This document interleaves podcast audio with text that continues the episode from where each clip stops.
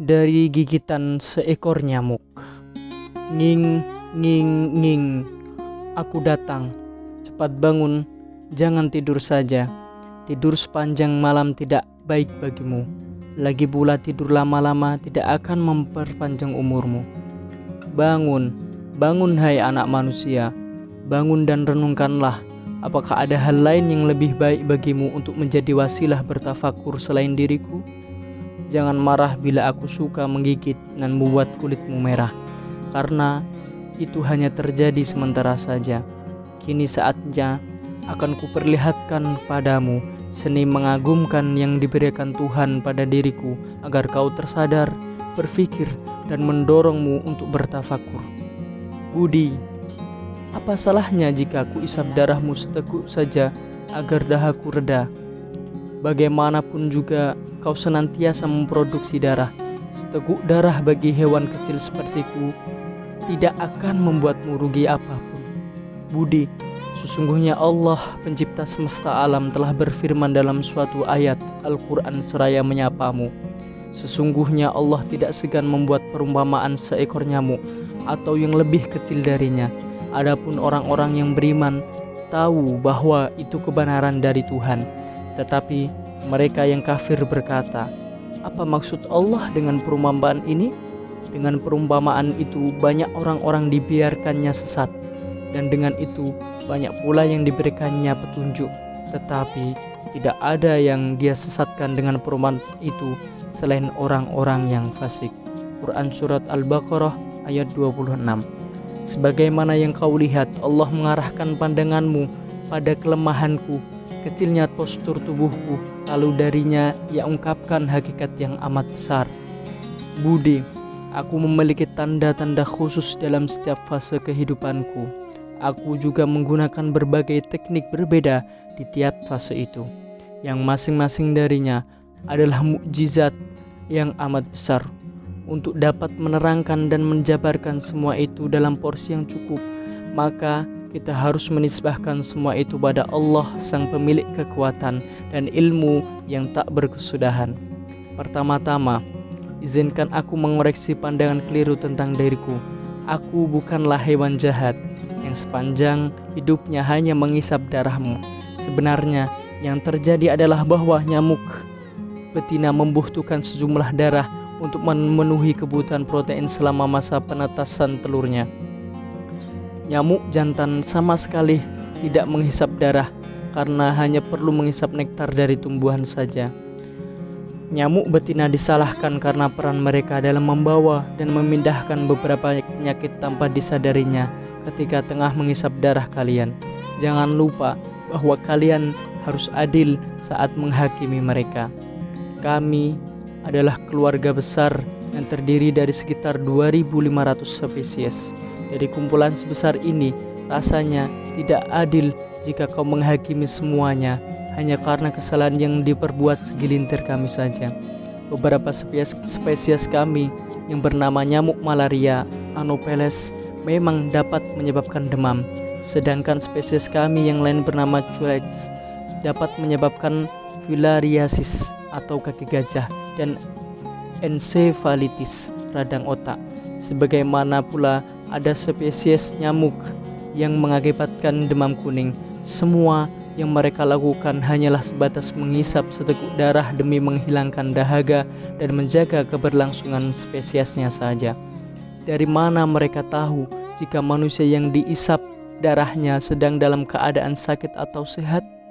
Bahkan kalian pun wahai manusia, meski para veteriner telah mengawasi rumah pemotongan hewan, namun masih saja ada kemungkinan kalian bisa memakan daging yang terkontaminasi kotoran atau penyakit rabies.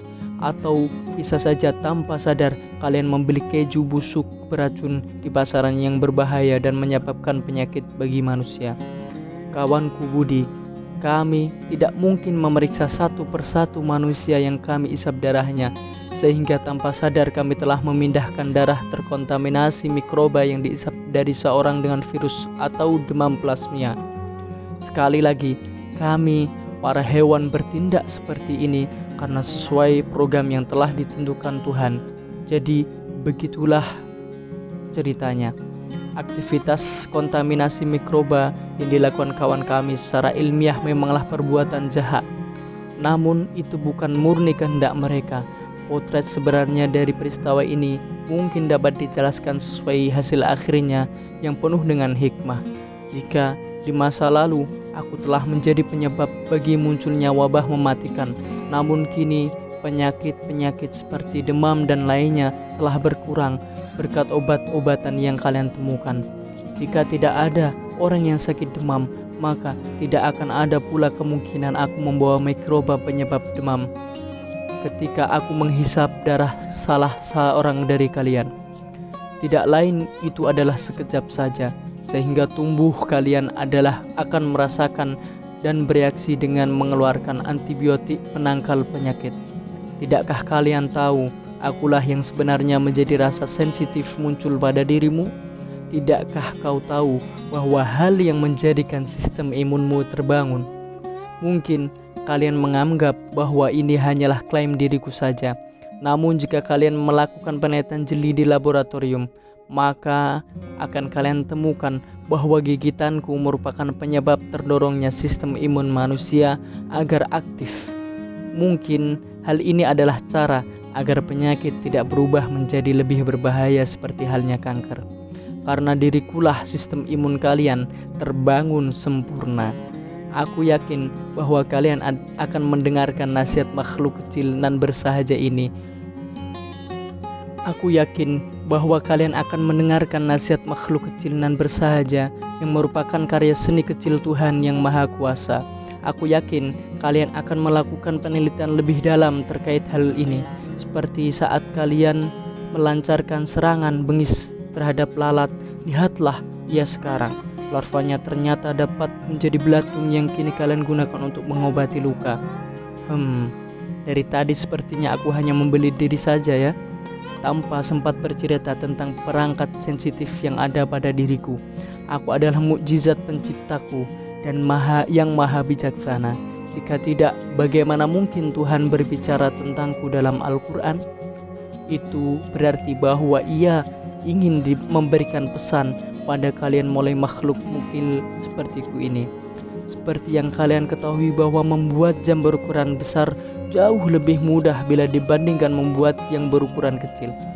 Jika gerigi pada dalam jam, sekrup, dan juga perangkat lainnya sangat kecil, maka pengumpulan dan pembuatan jam agar dapat berfungsi merupakan sebuah perangkat sulit. Kemudahan dan kesusahan bukanlah topik pembahasan bagi penciptaku. Namun, aku hanya ingin menjelaskan permasalahan sebenarnya pada kalian. Sekarang pejamkan mata dan coba bayangkan, aku memiliki perut, lambung, usus, otak, jantung, dan saluran sekresi. Semua perangkat itu diciptakan untuk melayaniku mereka bekerja tanpa rasa lelah dan tidak protes sama sekali. Sudah selayaknya bila bentuk badanku, pembentukan, penyusunan, dan pengoperasiannya berbeda dari milikmu. Karena ketika Tuhan mengetahui di mana makhluk ciptaannya akan hidup, maka ia akan memberikan mereka anggota badan yang paling tepat, gaya hidup yang cocok, dan makanan yang sesuai. Ia pun menjadikan semua itu dalam bentuk idealnya dia juga menjadikan semua perlengkapan yang ada padaku di tempat yang paling ideal dalam penciptaan paling sempurna. Perangkat tubuhku yang paling penting adalah jarum. Tuhan menganugerahkan organ ini untuk membantuku memenuhi rasa lapar. Sistem pengoperasian organ yang ditambahkan pada mulutku agar dapat menghisap darah ini gunakan seperti sistem pengoboran sebuah sumur.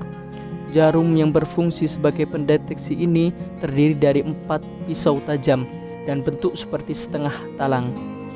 Untuk menghisap darahmu, aku akan menancapkan jarum ini di atas kulitmu yang paling banyak menyimpan darah. Mula-mula robek kulitmu, lalu kukularkan pisauku yang tercipta tajam itu agar memungkinkannya menyayat kulit dengan mudah, supaya kalian tidak merasakan kehadiranku. Aku pun membius bagian tempatku berada dengan zat khusus yang diekskresikan oleh salah satu jarumku. Aku pun mengekskresikan sebuah zat berkomposisi khusus sehingga darah yang kuisap tidak menggumpal ataupun membeku, sehingga darah tidak kehilangan sifat cairnya dan bisa dengan mudah mengalir. Jika sebuah zat ini, maka darah yang kuisap akan menyumbat jarumku pada saat aku menghisapnya dan aku pun bisa mati serta tak mampu menyedot darah lagi. Jika aku berhasil membius dengan baik, maka seorang yang kugigit dan tengah tertidur pulas tidak akan merasakan kehadiranku. Maka itu berarti aku adalah akan berpesta pada saat itu. Aku mampu menampung darah sebanyak 2,8 mg sekali isapan. Jumlah itu bahkan lebih banyak dari bobotku yang hanya 2,5 mg saja. Permukaan lambung pun bersifat fleksibel dan bisa memanjang dalam waktu 2-3 menit saja. Perutku telah penuh dengan darah. Pencernaan darah dalam perutku membutuhkan waktu yang cukup lama. Maka dari itu, aku pun dapat bertahan selama 3 hingga 4 hari tanpa makan apa pun. Beberapa dari spesies kami dapat menghisap 300 mikroliter darah selama 15 menit. Ini merupakan 6 kali lipat lebih banyak dari besar tubuh mereka. Aku tidak mengalami masalah dalam hal penampungan. Ruang kosong dalam kepalaku dilengkapi dengan otot-otot. Di sela-sela saluran dan rongga-rongga otot ini terdapat perbedaan tekanan udara antara 1 hingga 2 kompresor laktasi darah yang kugigit akan naik ke dalam jarum sudut dengan kecepatan 5 meter per detiknya. Jangan khawatir dan jangan takut. Tekanan ini tidak akan menghancurkan jarumku. Karena Allah telah menciptakan perangkat biologis ini dengan sebuah instalasi khusus bagi aktivitas ini. Hebat bukan? Siapakah manusia yang paling banyak kuisap darahnya? Jawaban atas pertanyaan ini sebenarnya akan menguak sebuah rahasia, namun tak mengapa. Demi kalian akan kubuka rahasia ini sebagai berikut. Aku dapat menemukan manusia yang akan kuisap darahnya meski di tempat gelap gulita sekalipun. Agar aku mendapatkan mangsaku, maka Tuhan telah memberiku perangkat sensor penerima panas yang sensitif di tengah kaki depanku. Melalui perangkat ini, aku dapat menentukan bagian tubuh kalian yang paling panas dan yang paling banyak menyimpan darah. Ditambah dengan adanya alat pendeteksi yang sangat sensitif pada tubuhku sehingga akal maupun pikiran kalian tidak akan dapat membayangkan aku dapat mendeteksi manusia melalui aroma keringat dan suhu tubuh mereka. Dengan perangkat yang menentukan presentasi kelembapan dan senyawa pada napas kalian, asam laktat, asam lemak, minyak amonia, asam amino, dan asam karbonat pada keringatmu. Maka aku dapat menemukan tempat terbaik untuk membuat lubang di kulitmu sebagaimana yang dilakukan oleh pesawat saat lepas landas dengan autopilotnya. Indikator dan analisis seperti yang ada dalam kabin pesawat yang berfungsi untuk membimbing, mengingatkan, dan memberikan informasi yang diperlukan pilot tentang kondisi pesawat juga ada dalam perutku. Nyamuk betina membutuhkan waktu yang sesuai dan air yang tepat guna menetaskan telurnya. Oleh karenanya, ia mengoperasikan alat pencari kelembapan yang ada dalam perutnya dengan amat sensitif. Melalui alat ini, nyamuk betina memiliki pengetahuan dan ilmu tentang komposisi dan kelembapan tanah yang dilewatinya dari atas pada saat terbang dia tidak akan menemukan air yang sesuai dan penuh dengan tumbuhan, melainkan akan secepatnya menetaskan telur di sana. Organ yang disebut Johnston yang ada dalam antena kami merupakan alat pendengaran yang sangat amat sensitif. Terdapat perbedaan antara kecepatan kepekaan sayap nyamuk betina dengan nyamuk jantan. Ada pula perbedaan melodi yang keluar dari sayap keduanya pada saat terbang. Nyamuk betina mengepakkan sayapnya dengan sangat cepat, sedangkan nyamuk jantan dapat menemukan pasangan hidup mereka berkat alat yang dikurangkan Tuhan ini. Sehingga keduanya akan senantiasa bersama untuk menjaga keturunan dan generasinya. Dapatkah kalian tebak sejauh mana kesempurnaan dapat terjadi dari kepekaan sepasang sayap yang dalam satu detiknya mencapai 500 kali ini? Kalian manusia bahkan hampir tak bisa menggerakkan tangan kalian dengan menutup dan membukanya kembali seperti sayap satu kali dalam sedetik saja. Karena otot maupun sendi kalian tidak diciptakan untuk pekerjaan ini. Hebat ya. Tentu tautan sendi dan ototku lebih kuat daripada yang kalian punya. Kami harus meletakkan telur-telur di genangan air yang cocok agar mereka dapat tumbuh. Maka telah diberikan upaya perlindungan yang diperlukan dari zat pemilik kekuatan abadi sehingga telur-telur tersebut tidak tenggelam ke dalam air.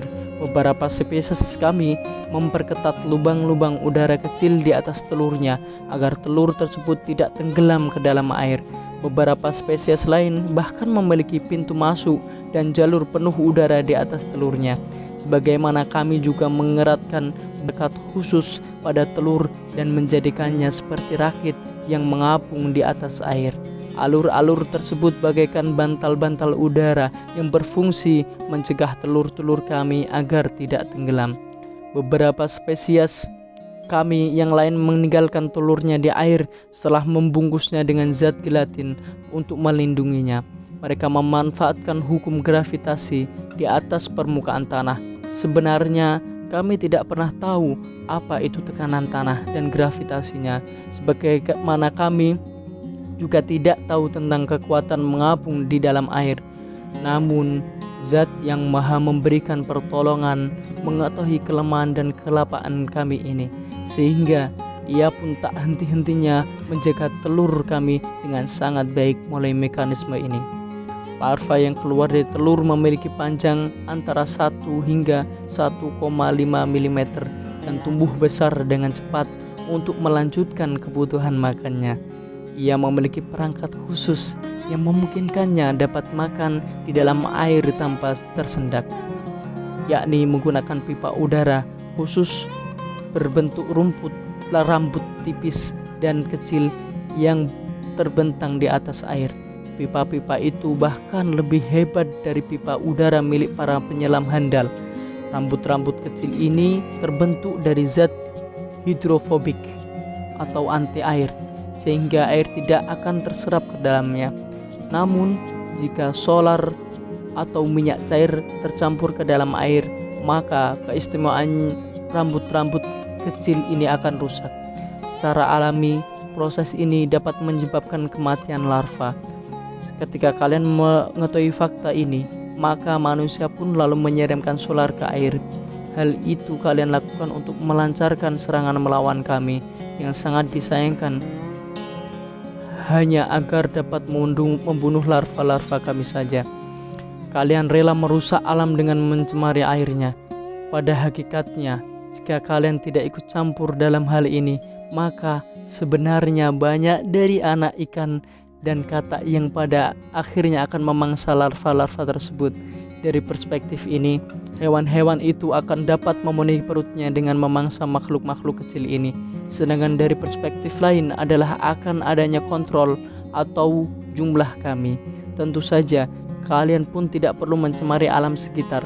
Sebaiknya kalian justru menjaga keseimbangan alam ini ketika kalian tidak berpikir panjang melainkan hanya membunuh dan membantai larva kami maka sebenarnya kalian tidak memahami keseimbangan sempurna yang dianugerahkan Allah di alam semesta ini kalian telah mengambil hak hidup makhluk lain terus menerus merusak dunia yang indah serta serta terdolong oleh keserakahan, keegoisan dan ketamakan. Intinya kalianlah yang sebenarnya akan merugi dalam hal ini. Budi, jika ceritaku ini terdengar menyakitkan bagimu, maka sepertinya aku telah mengganti topik pembicaraan seputar penciptaan mengagumkan atas diriku dengan melanjutkan keluhanku terhadap kalian. Maka kurasa cukup sekian. Betapa benar perkataan bijak nenek moyang kalian yang dahulu lebih memerhatikan keseimbangan lingkungan bagi mereka yang paham, cukuplah baginya dengung nyamuk. Namun untuk mereka yang ingkar, tak payah seruling maupun gendang kau tepuk.